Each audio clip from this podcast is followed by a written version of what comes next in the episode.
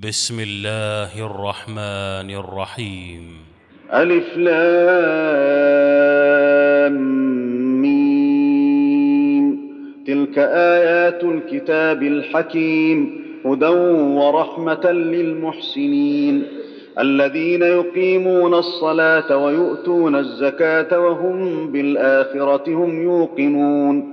أولئك على هدى من ربهم وأولئك هم المفلحون ومن الناس من يشتري لهو الحديث ليضل عن سبيل الله بغير علم ليضل عن سبيل الله بغير علم ويتخذها هزوا.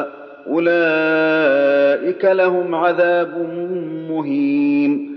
وإذا تتلى عليه آياتنا ولى مستكبرا كأن لم يسمعها كأن لم يسمعها كأن في أذنيه وقرا فبشره بعذاب أليم. إن الذين آمنوا وعملوا الصالحات لهم جنات النعيم خالدين فيها وعد الله حقا وهو العزيز الحكيم. خلق السماوات بغير عمد ترونها وألقى في الأرض رواسي أن تميد بكم وبث فيها وبث فيها من كل دابة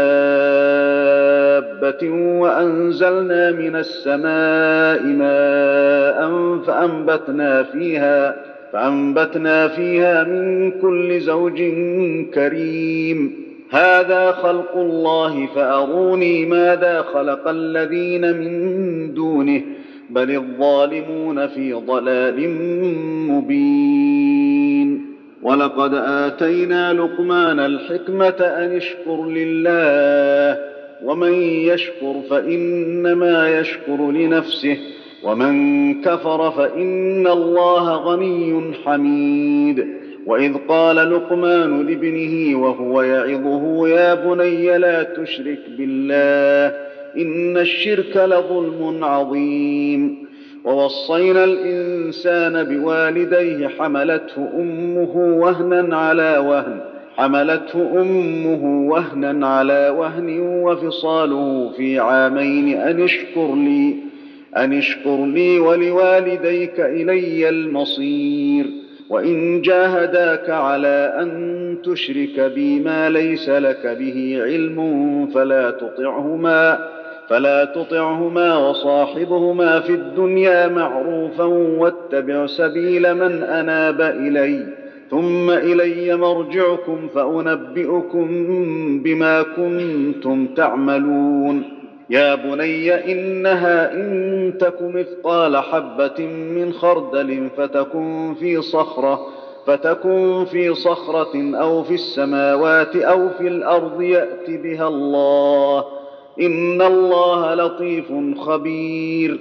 يا بني أقم الصلاة وأمر بالمعروف وانه عن المنكر واصبر واصبر على ما أصابك.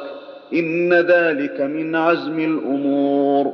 ولا تصعر خدك للناس ولا تمش في الأرض مرحا. إن الله لا يحب كل مختال فخور. واقصد في مشيك واغضض من صوتك. إن أنكر الأصوات لصوت الحمير. ألم تروا أن الله سخر لكم ما في السماوات وما في الأرض وأسبغ عليكم وأسبغ عليكم نعمه ظاهرة وباطنة ومن الناس من يجادل في الله بغير علم ولا هدى ولا كتاب منير. الله أكبر.